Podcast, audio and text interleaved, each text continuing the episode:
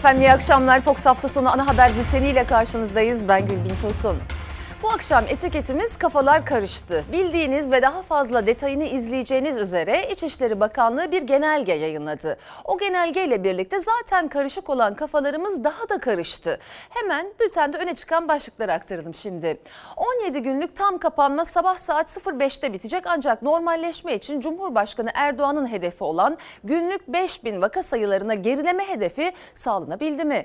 İçişleri Bakanlığı'nın normalleşme genelgesine özellikle restoran ve kafe sahipleri tepkili. Kahvehane esnafı Cumhurbaşkanı'ndan ne istedi? Üç büyük takım şampiyonluğu elde etmek için aynı gece ter döktü. Şampiyon Beşiktaş oldu. Futbol şöleni nasıl kutlandı?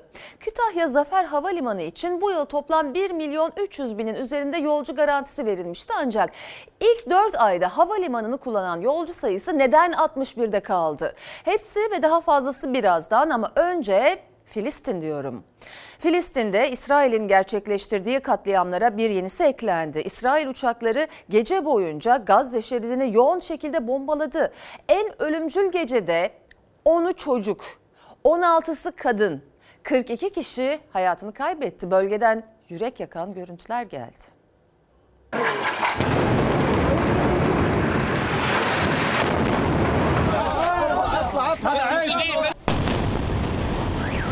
Netanyahu saldırılar sürecek dedi. İsrail bir gecede 10'u çocuk 42 Filistinliyi daha katletti. Gazze'de en ölümcül gece yaşandı. Hamas İsrail katliamına füzelerle yanıt verdi. Dünya sessiz kaldıkça İsrail Gazze'de devlet terörünün şiddetini arttırıyor. İsrail savaş uçakları Gazze şeridine çatışmaların başladığı 10 Mayıs'tan bu yana en yoğun hava saldırısını gerçekleştirdi.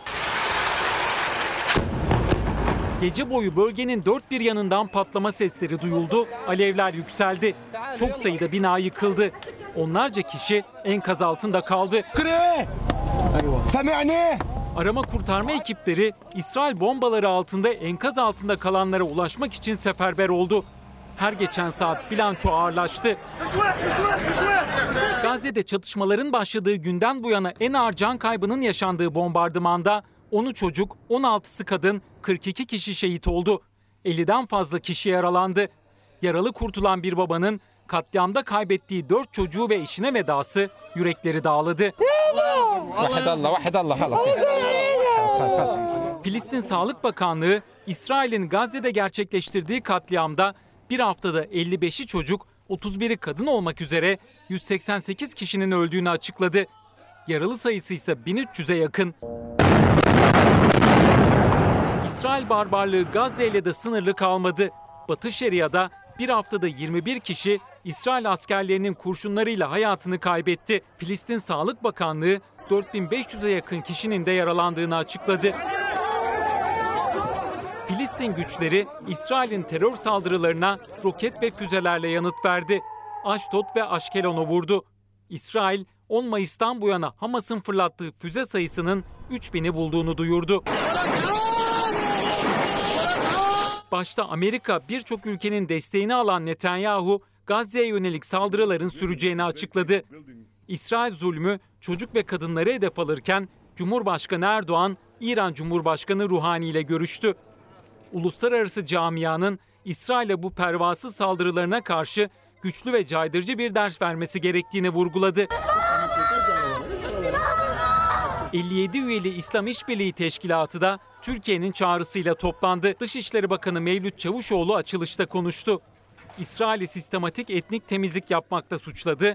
Tel Aviv'e karşı işbirliği çağrısı yaptı. Birlik ve kararlılığımızı gösterme vakti. Ümmet bizden liderlik bekliyor. Türkiye gereken her adımı atmaya hazırdır. Zirve sonrası yapılan açıklamada İsrail'in Filistin halkına yönelik zalim saldırganlığının en güçlü şekilde kınandığı belirtildi. İsrail katliamlarına Papa'dan da eleştiri geldi. Çocuklar dahil bu kadar çok sayıda masum insanın ölmesi kabul edilemez dedi. Sayın seyirciler 17 Mayıs sonrası ne olacak? Kim nasıl haftaya başlayacak derken İçişleri Bakanlığı genelgesiyle kademeli normalleşmeye geçileceği duyuruldu. Hizmet ve eğlence sektöründen eğitime kadar alınan yeni kararlar 1 Haziran'a kadar geçerli olacak. Sorması ayıp ama yaşınızı öğrenebilir miyim? 76 yaşındayım. Aşınızı oldunuz mu? İki defa aşı oldum. İki dozda tamam. Bitti. Evvela çalışanlara yapacaklardı, öğretmenlere. Yarın evime gideceğim mesela. Yazlığa Salı günü gidiyor. yazlığa gideceğim. E ne yapacağım? Mecbur gideceğim. İlaçlarım orada. Bu kez rahatça seyahat edebilecek çünkü yasak kalktı aşı olduğu için. Tam kapanmada çalışan kesime aşılama olamadı ama iki doz aşısı tamamlanan 65 yaş üstü için 17 Mayıs sonrası kısmi özgürlük geliyor. Tam kapanmanın sona ermesine bir kala İçişleri Bakanlığı son dakika bir genelgeyle kademeli geçişi duyurdu. Yeni haftada sokağa çıkma kısıtlaması akşam 21'de başlayacak, sabah 5'te sona erecek. Restoranlarsa bir süre daha müşteri ağırlayamayacak, kapıya sipariş getirebilecek. Pazartesi günü yeni hafta Ekim nasıl başlayacak sorusuna yanıt İçişleri Bakanlığı genelgesiyle geldi. Sabah 5'te sona erecek tam kapanma sonrası 1 Haziran'a kadar kısmi kapanmaya geçiliyor. Sokağa çıkma kısıtlaması hafta içi 21 ila 5 saatleri arasında olacak. Hafta sonları ise tamamen yasak. İki hafta sonra daha belli olur. Yani vaka sayısı düşer mi düşmez mi bilemiyorum. Zincir marketler için de pazar günü yasağa kalktı. Tam kapanmada kapalı olan marketler kademeli normalleşmeyle hafta sonu saat 10 ila 17 arasında hizmet vermeye devam edecek. Özellikle çiftçinin ve pazarcının isyanı doğrultusunda cumartesi günleri kurulmasına izin verilen pazar yerleri ise kademeli normalleşmede hafta içinde yine saat 10 ila 17 saatleri arasında kurulabilecek. Ancak hafta sonu sokağa çıkma yasağı olduğu için pazar yerleri de kapalı olacak. Kahvehanelerse yine kapalı. Berber, kuaför ve güzellik merkezleri 17 Mayıs tarihinden itibaren hafta içi 7 ila 20 saatleri arasında faaliyet gösterebilecek. Perakende ve hizmet sektörü olduğu için giyim, tuhafiye, züccaciye ve nalbur dükkanları hafta içi 7 ila 20 saatleri arasında çalışabilecek. Eğlence, oyun ve spor mekanları 1 Haziran'a kadar kapalı. AVM'ler ise açık olacak hafta içi. İki doz aşısı tamamlanan 65 yaş üstü gibi 18 yaş altına yasakta kaldırıldı ama toplu taşıma araçları yine yasak onlara. Salgının en çok etkilediği çocuklar uzun süredir okullarından uzaktalar. Görünüyor ki yasak olmasına rağmen onları evde tutmak da zor. Peki onlar ne zaman normalleşecek ve okullarına, sıralarına kavuşabilecekler? Milli Eğitim Bakanlığı bu önemli soruyu da yanıtladı. Okul öncesi eğitim kurumları, özel eğitim ve rehabilitasyon merkezleri ile 8 ve 12. sınıfların destekleme ve yetiştirme kurslarında yüz yüze eğitime geçilecektir. Diğer kademelerdeki tüm eğitim kurumlarında 1 Haziran Salı gününe kadar uzaktan eğitime devam edilecektir. Şehirler arası seyahatler de yasak saatleri dışında serbest bırakıldı. Sokağa çıkma yasağının uygulandığı saatler ve hafta sonuysa sadece toplu taşımayla serbest. Özel araçlar yine izne bağlı. Nikah, düğün ve kına gibi etkinliklerde 1 Haziran'a kadar yasak. 17 günlük tam kapanmanın son saatlerine girildi. Sonuçları ise beklendiği gibi olmadı. Cumhurbaşkanı Erdoğan'ın hedefi normalleşme için günlük vaka sayılarının 5 binlere gerilemesiydi. Ama vaka sayıları hedeflenenin iki katında. Can kayıpları ise hala çok yüksek. Tam kapanma değil ama bir e, kısmi kapanma yapıldı. Aslında biz kalabalık kapalı yerlerde çalışanlara dikkat çekilsin istiyoruz hep. Ama onlar %60-80 oranında çalışmaya devam ettiler. 17 günlük tam kapanmanın tabloya beklenen yansıması gerçekleşmedi. Tam kapanmanın başladığı 29 Nisan'da günlük vaka sayısı 37.674'tü. 16. gününde vaka sayıları 11 binlere geldi. %65 azaldı ama hedeflenen vaka sayısının hala iki katı. Avrupa'nın açılma sürecine girdiği bir dönemde bizim geride kalmamak için vaka sayılarımızı süratle 5000'in altına indirmeliyiz. O veriye yaklaşabilecek miyiz bu tabloda? Yaklaşamayacağız. Gerçekçi bir e, hedef değil. Aslında hedef çok ulaşılmaz bir hedef değil. Hedef ideal bir hedef değil. Hedef Avrupa Birliği'nin bizi yeşil bölge olarak tanımlaması için. Yani bu ülkede salgın devam ediyor ama salgını kontrol ediyorlar. Benim girip çıkan vatandaşımla ilgili süreç iyi gidecek. E, kontrol edilebilecek diyeceği bir nokta aslında. Günlük vaka sayıları hedeflendiği gibi 5000 seviyesine gerilemedi. Hatta tam kapanmaya rağmen vaka sayıları bir önceki güne göre de arttı. 24 saatte 11.472 kişi daha koronavirüse yakalandı. Ağır hasta sayısı 2563'e gerilese de hayatını kaybedenlerin sayısı hala çok yüksek. Son tabloya göre hayatını kaybedenlerin sayısı 236. Son 15 günde biz kapandığımızdan beri toplam 4500 tane ölüm oldu resmi rakamlara göre. Yani ölüm sayılarında o yokuş aşağı inen kamyonun e, etrafa saçtığı yükte hiçbir azalma olmadı. Başka şehirlere gidildi ama oradan bir de dönüşler başlayacak şimdi. Yani test sayısıyla orantılı olarak onların geldiği etkiyi de tabloyu artış olarak görebilecek miyiz?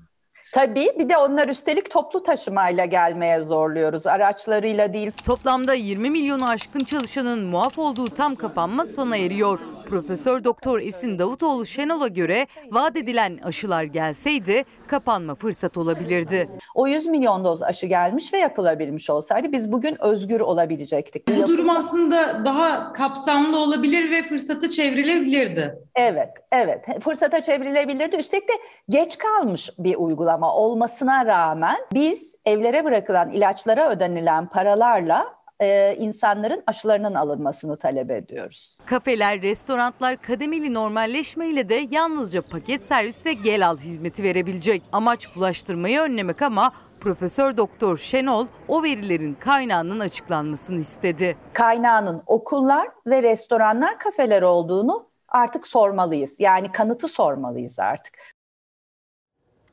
Restoran, lokanta gibi yeme içme yerleri kontrollü normalleşme sürecinde müşteri ağırlamanın hayalini kuruyordu. Ancak bir süre daha gel al ve paket servisle hizmet vermeye devam etmek zorunda. Tabii ayakta kalabilirlerse. Efendim kolay gelsin. Teşekkür ederim. Hazırlık normalleşme için mi? Evet aynen normalleşme için. Gerçi masada servise başlamayacakmışız herhalde. Dükkan ne durumda? Kötü durumda. Batıyoruz. İşler yok. Bizim şimdi sulu yemek paket olarak gel al götür falan olmuyor yani. Ve kirayı ödeyemiyoruz. Şu an kira birikmişliği var bir 5-6 aylık. Ne umdunuz ne buldunuz? Hiçbir şey şu anda hiçbir şey bulamadık. Yani şu anda perişanız. Kira birikti, vergiler birikti. Ne yapacağımızı şaşırdık. Cebimizde para kalmadı. Mal sahibi diyor boşalt. Bir senedir para kazanamıyoruz. Bir senedir. Yani çoluk çocuğumuz perişan. Esnaf bugünlere zor geldi ama birçoğunun daha fazla dayanacak gücü kalmadı. Kirasını, vergisini ödeyebilmek için çektiği krediler yüzünden boğazına kadar borca battı. Kontrollü normalleşmeyle birlikte dükkanında müşteri ağırlayıp borçlarını kapatma hayali kuruyordu ama İçişleri Bakanlığı'nın genelgesiyle bir kez daha hayal kırıklığına uğradı. Kısıtlamalar sözde kaldırılacak ama bize yansıyan bir şey yok. Yine fatura esnafa çıkarıldı. Beş yıldızlı otellerde yeme içme mesafe kurallarına riayet edilip edilmediği belli değil. Bir taraftan AVM'ler açılıyor. İşte bu adaletsizlikten esnaf yakınıyor. Genelgeye göre restoran, lokanta gibi yeme içme yerleri hafta içi sabah 7'den akşam 20'ye kadar gel al ve paket servisle hizmet verebilecek. Paket servis bizi idare etmez ki. Bir lira yardım yok, bir lira fayda yok, bir şey yok. Ne yapacağımızı bilmiyoruz yani. Dört tane siparişle de elektrik mi verecek, fatura mı verecek, bu dükkanın kirası mı, işçi parası mı, masraf parası mı? Patronumuz e, böyle giderse tamamen kapanacağını söylüyor artık. Siz de işsizlerin arasına katılın. İşsizlerin arasına katılacağım, evde çocuklarıma bakacağım, evde oturacağım yani. Gelal ve paket servis hizmeti esnafı ayakta tutmaya yetmiyor. Enişlek caddelerde yer alan restoranlar, lokantalar bile bir bir kapanıyor. Karşıda var, hemen sol köşede var, arada var. Yani bu bölgede bulunan yaklaşık 20 tane mekan kepengi kapatmak zorunda kaldı. 4 aydır burayı açmışım. 30 bin lira içeriye girdim. Sadece 4 ayda 30 bin lira borç yaptım. Aynen öyle. Valla bela giderse 1-2 ay böyle devam ederse ben de kapatacağım. Kapanan her dükkanla birlikte Türkiye'deki işsiz sayısı da artıyor. Esnaf karşılıksız destek bekliyor. Hani biz burada 5 kişi çalışıyorduk. Şu an tek kişi kaldım. Gider var ama gelir yok. Hani en azından vergi alınmasa. 1 lira kazanmadan kapalı iş yeri nereden vergi ödeyecek? Devlet kredi verdi. Kredilerin süresi geldi. Ödeyecek esnafın hali kalmadı. Bir an evvel küçük işletmelerin e, gerekli desteklerin hibe olarak verilmesini, yaklaşık 2 milyon iş yerinin bir an evvel aşılanması gerekliliğine inanıyorum. Efendim Doktor Yusuf Er Yazhan demiş ki e, kafalar karıştı. Neden mi? Soru şu. Sağlık çalışanına verilen ek ödeme aile hekimlerine neden 12 ay şartsız verilmedi? Aile hekimleri olarak bu karışıklığı giderin diyoruz. Sağlık Bakanlığı'nı Fahrettin Koca'yı da etiketmiş, etiketlemişler kendileri. Efendim İçişleri Bakanlığı'nın normalleşme genelgesinde en uzun süre kapalı kalan açılınca da oyun yasağı olduğu için müşteri bulamayan kahvehanelerin açılışı için 1 Haziran işaret edildi ama açılışları kesin mi ya da nasıl olacak daha belli değil. Bir yılda devletten sadece 6 bin lira destek aldık diyen kahvehane esnafı ise tepkili. Ankara Kahveciler ve Esnaf Odası Başkanı İsa Güven de bıçak kemiğe dayandı dedi. Belediye otobüsleri, AMV'ler tıklım tıklım. Artık bundan sonra bize kapatma falan getirmeyin. Ne olursunuz bizim kahvehanelerimizi açın. Evimize ekmek parası götürelim. İnanın ki bıçak kemiğe dayandı. Bir yılı geçti kahvehaneler kapalı. Normalleşmeye saatler kala gelen genelgeden de onlara iyi bir haber çıkmadı. Umutları 1 Haziran'a kaldı ama açılsalar bile en önemli gelirleri oyun yine yasak olabilir. Peki 120 bin kahvehane esnafı ve ailesi bunca ay ne yiyip içti, nasıl geçindi? 14 aydır bize sadece 6 bin TL yardım edildi. 14 ayda bu esnaf 6 bin lirayla nasıl geçinecekti? Evde kapandık ama onu komşumuz sağ olsun, eşimiz dostumuz sağ olsun. Onların yardımıyla birisi bir elektrik faturamızı ödedi, birisi bir doğalgazımızı ödedi. CHP'li Utku Çakırözer'in Eskişehir'de ziyaret ettiği kahveci eşinden dostundan yardımlarla geçirmiş koca bir yılı. Kimi de borcuna borç kattı. Biz diyorduk ki bize borç vermeyin. Bizim esnafımızın zaten yüzde ellisi borç batağındı. Dükkan kapalı ama verginiz, stopajınız, bağkurunuz devam ediyor. Ama siz kapalısınız. Bu pandemi başladığı günden beri bize bir asgari ücret verseydiler bu kadar sosyal patlama olmazdı. Bizim kahvehaneleri açmayın, pandemi var eyvallah. Ama biz açız bizi doyurun. Kahveciler Odası Başkanı iktidara hem bizi doyurun çağrısı yaptı hem de seçim zamanlarını hatırlattı. Bizim kahvehanelerde gelirler seçim zamanlarında propaganda yapıp gidiyorlar. Bugün Ankara'nın göbeğinde nerede bu AK Parti il başkanı? Nerede bu AK Parti milletvekilleri? Ankara Kahveciler ve Esnaf Odası Başkanı İsa Güven, kahvehaneler kapansın tavsiyesinde bulunan bilim kuruluna sitem etti. Cumhurbaşkanı Erdoğan'ı ise çaya davet etti. Helallik istemesini hatırlatarak. Bilim kurulu üyelerine sesleniyorum. Bu 15 aydır acaba siz maaş almasaydınız evinizi, çoluğunuzu, çocuğunuzu nasıl geçindirecektiniz? Sıkıntıya düşen insanlarımız, esnafımız, çalışanımız olduysa hepsinden helallik istiyoruz. Demek ki bir hata yaptığını farkına vardı. Bizde bir hakkınız var Sayın Cumhurbaşkanım. Oturalım birlikte bir çay kahve içelim. Bir bizi çağırın. Bizim derdimizi dinleyin. 17 günlük kapanmadan sonra nasıl normalleşilecek gözler iktidarın alacağı kararlardaydı. O kararlar kabine toplantısıyla değil İçişleri Bakanlığı'nın genelgesiyle duyuruldu. Muhalefet 17 gün sonra açılma beklerken yeni bir kapanma geldi. Aşı ve destek yok diyerek tepkiyi yükseltti. AK Parti içinden de İçişleri Bakanlığı genelgesine itiraz vardı. Aşı yok, tedbir yok. Esnaf 17 günlük kapanmadan sonra pazartesi günü açılmayı beklerken yeni bir kapatmayla karşı karşıya. Pazartesi gününden itibaren kontrollü normalleşme takvimimizi uygulamaya başlıyoruz. Böyle mi normalleşme olacak? Bir işi beceremiyorsunuz. Elinize yüzünüze bulaştırdınız. Pek çok esnafın gelir alacağı yerler kapalı. Milli Eğitim Bakanı okulları kapatıyor. Ticaret Bakanı iş yerlerini kapatıyor. İçişleri Bakanı milleti eve tıkıyor. Nedeni aşı bulunamaması, millete aşı yapılamaması. Kafa karışıklığına ve sokağın büyük tepkisine neden olacağı net olan bu genelgenin acilen revize edilmesi ve kademe mantığıyla yasaklanan ne varsa bir tarih öngörüsü olmalı. İçişleri Bakanlığı'nın kademeli normalleşme adını verdiği genelgesi bu kez sadece muhalefeti değil iktidarı da konuşturdu. AK Parti MKYK üyesi Metin Külünk'ten moral uyarısı, sokağın sesi ve lütfen hızla gözden geçirin çağrısı duyuldu. Vatandaşımız bize nefes aldırın biz kurallara belirgin uymazsak kademe kademe yasak gelsin. Fakat biz hep itaat ediyoruz. Siz artık halden anlamaz olduğunuz tepkisi verecektir. Bu ülkenin insanlarına yazık. 3 haftalık bir kapanma en başta yapılmalı. Kasamızda olan 128 milyar doları karşılıksız olarak 40 milyar doları destek olarak insanlarımıza dağıtılmalıydı.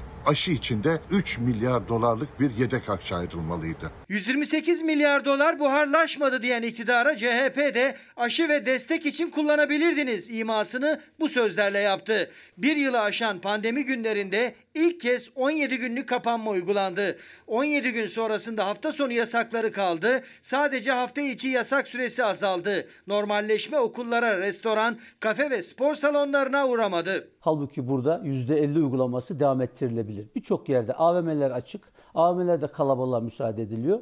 Ama bir kahvehanede 3 kişinin 5 kişinin oturmasına müsaade edilmiyor. Bütün iş yerleri kapatıyoruz ama hala destek vermiyorsunuz. Yandaş müteahhitlere destekler devam ediyor fakat vatandaşa 5 kuruşluk destek yok. Belirsiz normalleşme genelgesi. İşlevinde bu tarz planlar gerçekten sadece anormalleşmeyi besler. 15 gün daha esnafa dükkanı açamazsın diyorlar. Esnaf ne yesin? Odun mu yesin? Sıkıntıya düşen insanlarımız, esnafımız, çalışanımız olduysa hepsinden helallik istiyoruz. İşsiz insan çalıştığı halde geçimini sağlayamayan insan hele de bu pandemi döneminde geçinemeyen esnaf hakkını helal etmez. Aşıda kapanma desteklerinde beklenen olmadı. Kabine toplantısı beklenirken İçişleri Genelgesiyle 1 Haziran'a kadar yeni sınırlar çizildi. Helallik tartışmasının gölgesinde muhalefet tepkili. AK Parti'den de ilk kez ses yükseldi. Efendim şöyle deniyor. Biruni, Haliç ve Atılım gibi bazı üniversiteler final sınavlarını yüz yüze yapma kararı aldı. YÖK bu kararları e, üniversitelerin inisiyatifine bırakmamalı. Üniversite yönetimleri sınavları yüz yüze yaparak öğrencilerin hayatını riske atıyor. Bununla ilgili çok fazla mesajımız gelmişti ve efendim futbol severlerin tansiyonu gece bir an olsun düşmedi. Üç büyük takım şampiyonluğu elde etmek için aynı gece ter döktü ve şampiyon Beşiktaş oldu. Şampiyonluğu teknik direktör Sergen Yalçın ve futbolcular sahada gözyaşlarıyla kutladı. Taraftarlar da yasaklara rağmen sokaklara çıktı. Zaman zaman salgınla mücadelede istenmeyen görüntüler de kaydedildi.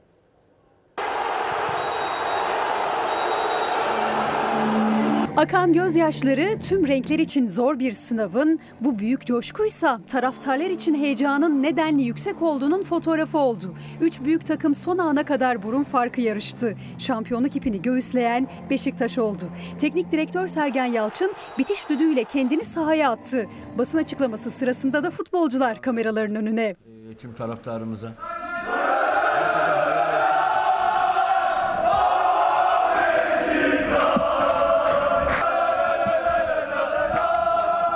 Mutluluğu tarif etmek biraz zor. Belki de hayatımızın bugün en mutlu günlerinden bir tanesi. Bu şampiyonluğun değeri çok fazla. Gerçekten Beşiktaş Başkanı Ahmet Nur Çebi dakikalarca futbolcuların omuzlarındaydı. Ayakları yere basmadı. Futbolda tüm renklerin kalp atışını yükselten şampiyonluğun 3 büyük takımın aynı gece oynayacağı 3 maçın sonucuna bağlı olmasıydı. Beşiktaş İzmir'de Göztepe'nin konuğuydu. Fenerbahçe Kayseri Spor'un karşısında Galatasaray ise Malatya Spor'u ağırladı. Averajla önde olan Beşiktaş Göztepe deplasmanında 2-1 ile maçı alınca coşkunun adı siyah beyaz oldu. Futbol şöleni tam kapanma günlerine geldiği için taraftarlar evdeydi. Televizyonlardan Sergen Yalçın'ın sahaya koştuğu anlar şampiyonluğun en coşkulu karesiydi ki dakikalar sonra sevinç evlere de sığmadı. İçişleri Bakanlığı valiliklere şampiyonluk genelgesi göndererek kutlamaları yasaklamıştı ama binlerce Beşiktaşlı sokaklara döküldü. Sevinçti. Neden? Ancak şampiyon Beşiktaş'ın evinde meşaleler yakıldı, çarşıda sosyal mesafe kalmadı. Atılan coşkulu sloganlarsa yüzlerde olması gereken maskeleri unutturdu.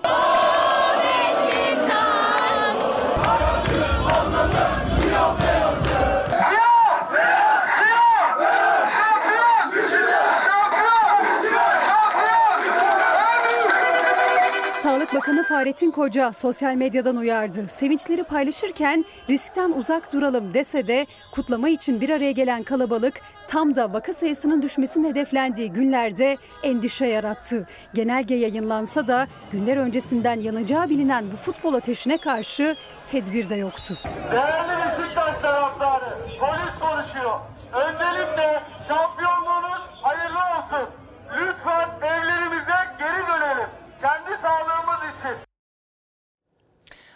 İçinde Batman'da yaşanan bekçi şiddetinin tartışması bitmeden iki yeni bekçi görüntüsü siyaseti ısıttı.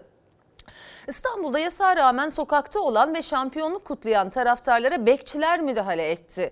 Eyüp Sultan semtinde havaya defalarca ateş açıldı. Beşiktaş'ın bir ara sokağındaysa bir ara sokağındaysa darp ve ters kelepçe görüntüleri kaydedildi. CHP son günlerde bekçilerin karıştığı bu olayları İçişleri Bakanlığı'na soru önergesiyle sordu.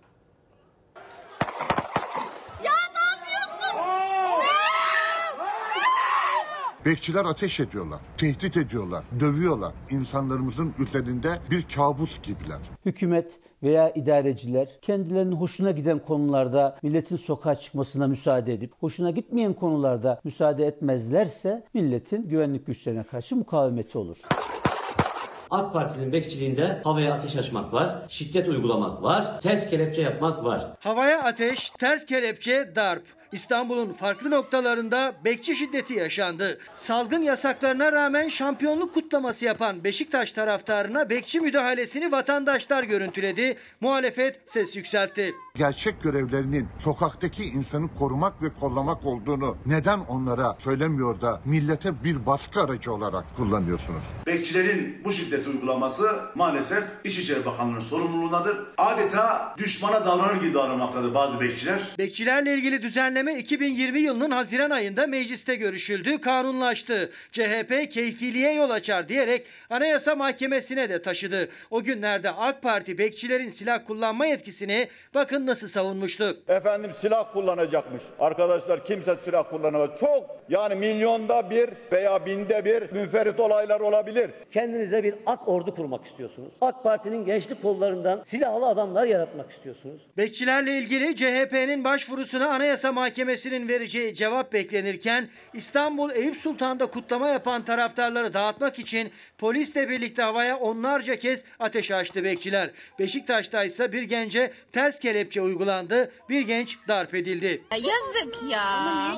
Böyle bir şey olamaz ya. Ama arkadaşlar sakin sakin. Türkiye'de her gün bir bekçi şiddeti yaşanır hale geldi. Vatandaşı bekçi şiddetinden korumak için polis arar hale getirmekten kurtarmamız lazım. Sokak arasında vatandaşın uyarılarına rağmen darp devam etti. En sonunda bekçileri durdurmak için vatandaşlar polis çağırdı. İçişleri Bakanı'na bu davranışlarda bulunan bekçilerle ilgili herhangi bir idari işlem yapılıp yapılmadığı veya davası devam eden bir bekçinin olup olmadığını sorduk. Cevap alacak mıyız? Zannetmiyorum. Muhalefet asıl görevleri kolluk gelene kadar önleyici tedbir almak olan ama son zamanlarda Batman'dan İstanbul'a tepki çeken görüntüleriyle gündeme gelen bekçiler için ses yükseltti, soru önergesi verdi. Yetkileri yeniden gözden geçirilmeli diyerek gözler İçişleri Bakanlığı'nda. Şimdi bekçilere yani el insaf diyeceğim. Silah doğrultuyorlar. Hemen silahına sarıldı oradaki bekçi. Oysa karşısında silahlı bir kimse yok. Mesela polislerimiz daha eğitimli oldukları için toplumsal olaylara daha uygun şekilde müdahale edebiliyorlar. İçişleri Bakanlığı'na sesleniyorum. Bekçiler e, bizleri yani vatandaşı korumak için var. Vatandaşı bekçi şiddetinden korumak için haberde olduğu gibi polis arar hale getirmeyin lütfen insanları. Demek ki neymiş? Eğitim, liyakat çok önemliymiş.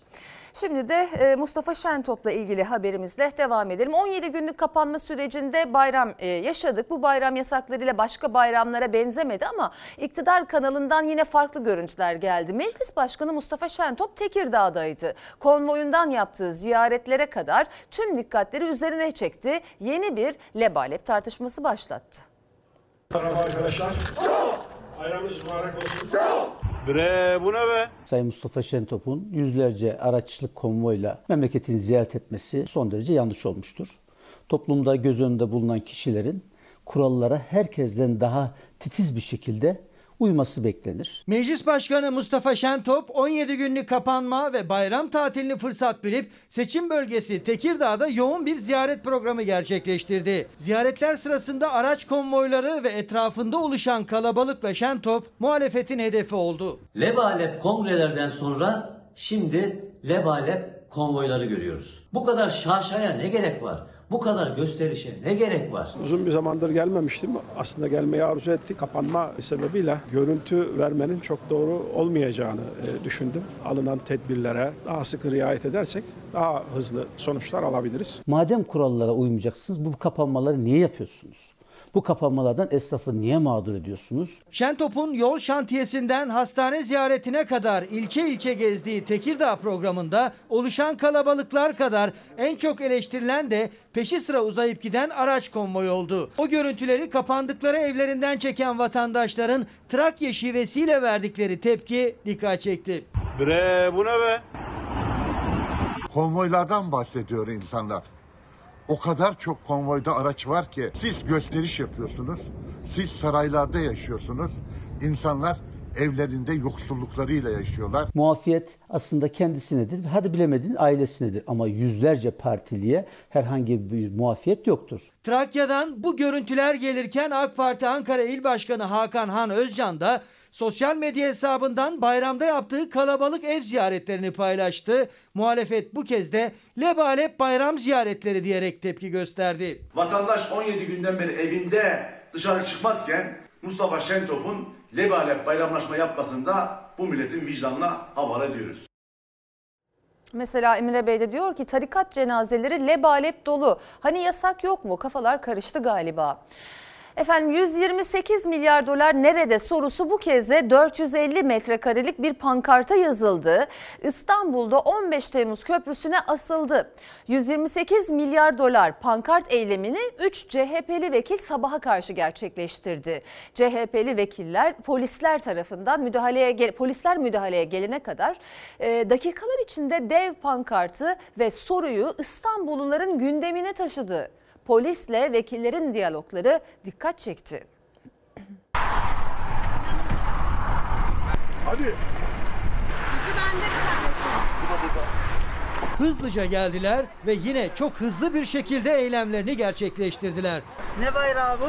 Ee, bu ne bayrağı? Bu Cumhuriyet Halk Partisi'nin bayrağı. Biz bu eylemi geleceğimiz için 84 milyon için yaptık. CHP 128 milyar dolar nerede sorusunu bu kez de İstanbul 15 Temmuz Şehitler Köprüsü'ne 3 milletvekilinin astığı dev pankartla sordu. Oldu.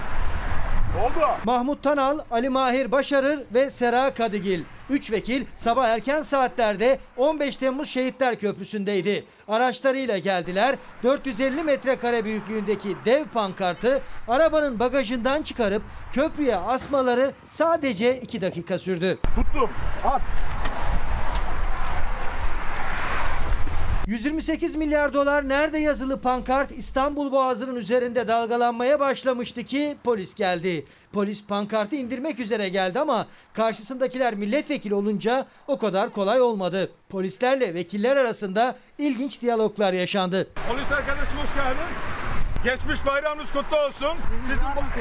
Nasıl? Bu konuyla ilgili Var. biz Var mı bir 84 milyon izin verdi bize. Yok o şekilde olmaz ama. Anayasamızın gayet rahat, demokratik bir tepki amacıyla Evet, evet. e, bunu e, pankarta. Buraya tabii ki sizin açınızda sizi sıkıntıya sokacak herhangi bir suç unsuru yok. Bu diyalogların ardından CHP'li vekiller pankartın polis tarafından indirilmesine direndiler. 128 milyar dolar nerede yazılı dev pankart 15 Temmuz Şehitler Köprüsü'nde bir süre asılı kaldı. Köprü üzerinde efendim. valinin izni olmadan çekim yasak. Sonrasında CHP'li vekiller polise bırakmadan kendileri topladı pankartı. Mahmut Tanal başka eylemlerde de kullanırız. O nedenle polisin almasına izin vermedik dedi. CHP'li vekiller 128 milyar dolar nerede yazılı maskelerini de takarak bir de eylem selfisi çektirdiler. Sonrasında eylem olaysız sona erdi. Emekliler bayrama 100 lira artan 1100 liralık ikramiye ile girdiler. Dul ve yetimlerin ki o kadar dahi olmadı. Pek çok emekli için 1100 lira daha bayrama gelemeden tükendi. Faturalara ve zorunlu harcamalara gitti. CHP Genel Başkanı Kemal Kılıçdaroğlu ile Ramazan bayramının son günü görüntülü bayram sohbetinde buluşan emekliler neşeli değil dertliydi. Aldıkları maaşlarla geçinemediklerini, torunlarına bir bayram harçlığı bile veremediklerini anlattılar. İnsanlar torunlarını göremiyor. Doğal gazı, suyu, elektriği baş edemiyoruz. Emekliler torunlarına kaçar oldu. Torununa harçlık veremeyecek. Esnaf emeklisiyim. 1900 lira. Krallar gibi geçiniyorsunuz herhalde. Yok canım.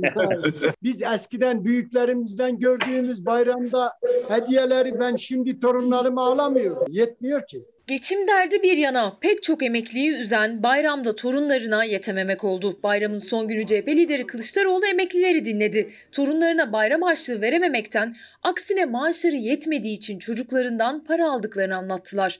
Ama utanarak. Biz şimdi emekliler olarak ay sonunu getiremiyoruz. Çocuklarımızdan destek almak durumunda kalıyor. Bu bizi rencide ediyor. Emeklilere iki maaş ikramiyeyi boşuna söylemedim. Birer maaş ikramiye verilmesi gerekiyordu. Bin lira ikramiye veriyorsunuz. Bari bunu bin lira ikramiyenin en az 1500 lira olması lazım diye ifade ettik. E onu da getirdiler. 100 lira verdiler. Bankalara ve kredi kartlarına borçtan açsak çıkamıyoruz bir yere. Bu yapılan bayram ikramiyesine zam mı, mikroskopla mı bakalım? Yani çok komik insanın aklıyla dalga geçer gibi 100 lira çıkartıp para veriyorlar. Kılıçdaroğlu 1500 lira bayram ikramiyesi için iktidara seslendiklerini anlattı. Emekli zamla 1100 lira olan ikramiyenin hiçbir şeye yetmediğini. Benim eşim de emekli.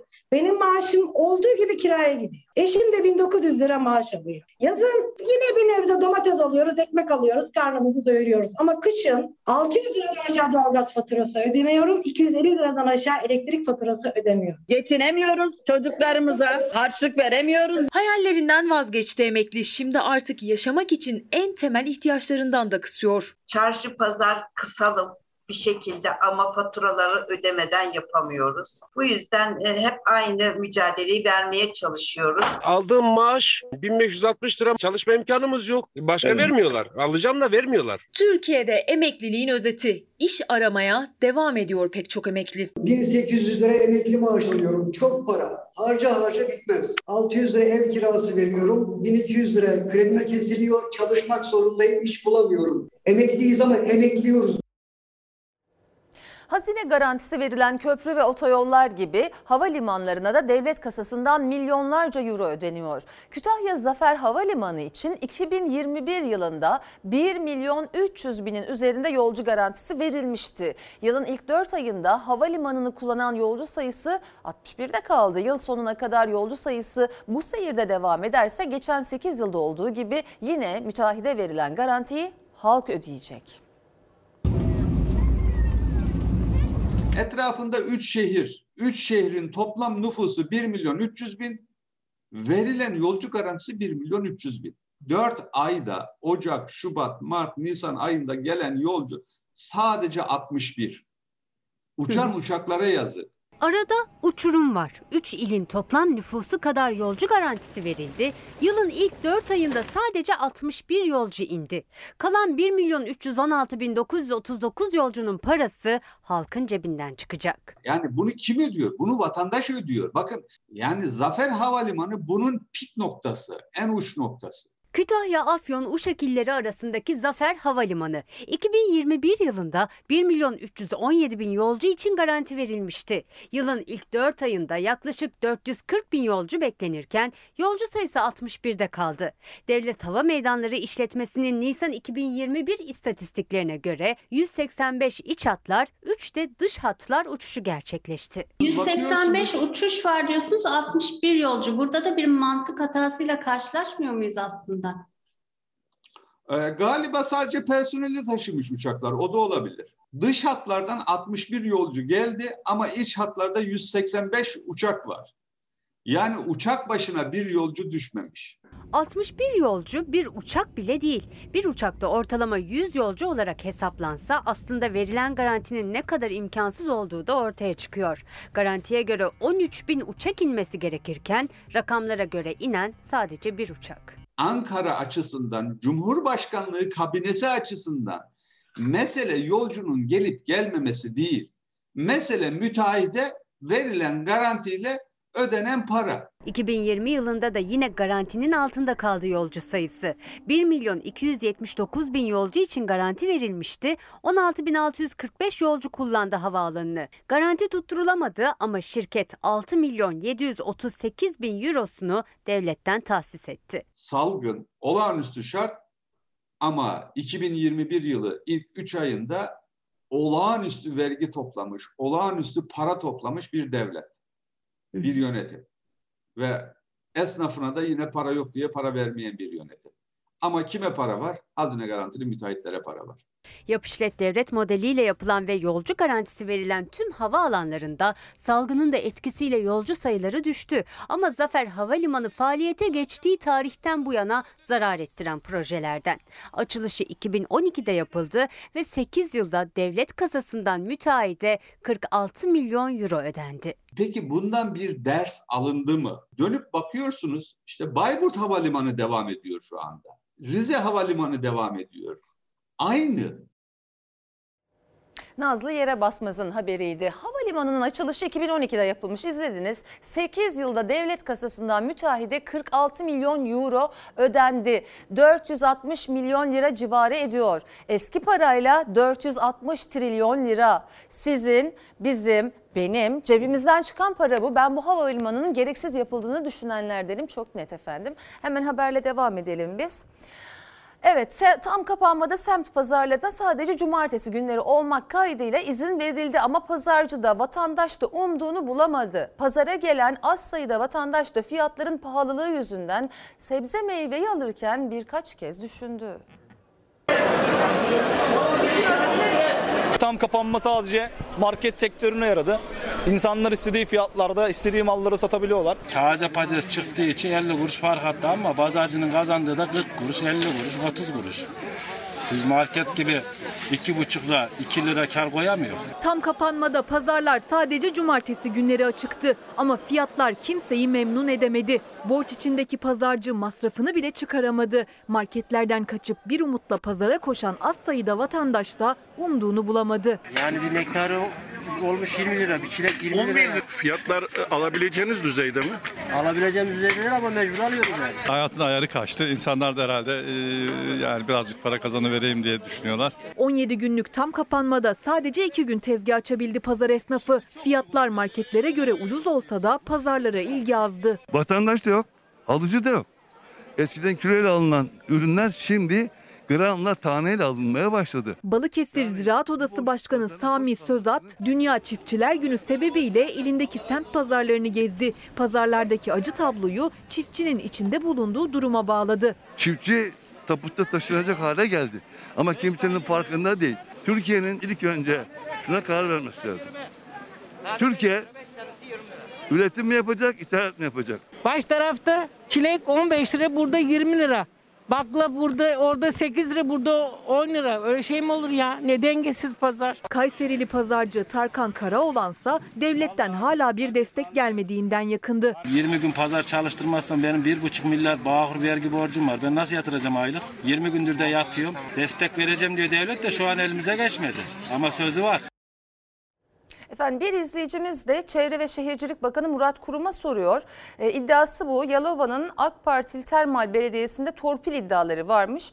E, bunu soruyorlar. Kafalar karışık diyorlar. Efendim SMA hastası bebekler yaşam mücadelesi vermeye devam ediyor. Aileleri ise onları hayatta tutacak. Yurt dışında uygulanan tek dozluk gen tedavisine ulaşma mücadelesini sürdürüyor. Zamanla yarışan bebekler yardımseverlerin seslerini duymasını bekliyor. Ne olursunuz Eyüp tedavisine ulaşsın. Ne olursunuz evladımı kaybetmeme izin vermeyin. Taha Hamza, Didem Demir, Hava Dilekli ve Eyüp Çınar. Küçücük elleri makinalarla yaşam savaşı verdikleri minicik ciğerleriyle nefes alıp hayata tutunmaya çalışıyorlar. Onlar SMA tip 1 hastası bebekler. Yurt dışındaki tek dozluk gen tedavisini alabilmeleri için 2 milyon 300 bin dolara ihtiyaçları var. Artık birileri kızımın elinden tutsun. Ölünce kapımızı çalmayın lütfen. Hava Dilekli henüz 1 yaşında. Amerika ya da Macaristan'daki tedaviyi alabilmesi için toplanması gereken paranın daha çok başında ailesi. Ama Hava da tıpkı diğer SMA tip 1 hastası bebekler gibi zamanla yarışıyor. Tamam. Tamam. Taha Hamza ise 29 aylık oldu ve ayağa kalkmasını sağlayacak gen tedavisini alabilmesi için yalnızca son 3 kilosu kaldı. Didem Demir ise 2,5 yaşında. Amerika'daki tedavi şansını kaçırdı ama Macaristan'da tedavi olabilir. Yaş ve kilo sınırını aşmaması için zamanı daralıyor. Şimdilik tedavi için toplanması gereken paranın yalnızca %40'ını tamamlayabildi ailesi. Evladımı özledim. Kokusunu özledim. Sesini özledim. 6 aylık Eyüp Çınar da SMA tip 1 hastası. Minicik elleriyle hayata tutunmaya çalışıyor ama nefes almak bile acılı onun için. Annem bitecek. Bu kötü günlerimiz bitecek bebeğim. Bu makinelerle değil de oyuncaklarınla oynayacağın günler de gelecek. Çınar ailesinin 3 çocuğundan biri Eyüp Çınar. 6 aylık bebeği yaşatabilmek umuduyla yardım bekliyor annesi. Tıpkı diğer anneler gibi. Lütfen e, yardımlarınızı bizlerden esirgemeyin. Ne olursunuz evladımı kaybetmeme izin vermeyin. Tabii sadece yardımseverlere seslenmiyoruz ama aynı zamanda devlete sesleniyoruz. Yani o kadar uğraştık, o kadar haber yaptık, hep yapıyoruz ama yani devletimiz bu çocuklarımızı bir türlü karşılamıyoruz Sosyal Güvenlik Kurumu. Ben her zaman olduğu gibi etkili yeni hayvan hakları yasası hemen diyerek araya gidiyorum efendim. Efendim Fox Haber hafta sonu ana haber bültenini burada noktalıyoruz. Fox'ta yayın kefaretin yeni bölümüyle devam edecek. İyi bir akşam geçirmenizi diliyoruz. Hoşçakalın. Her köşesi cennetin ezilir yerler için bir başkadır benim memleketim.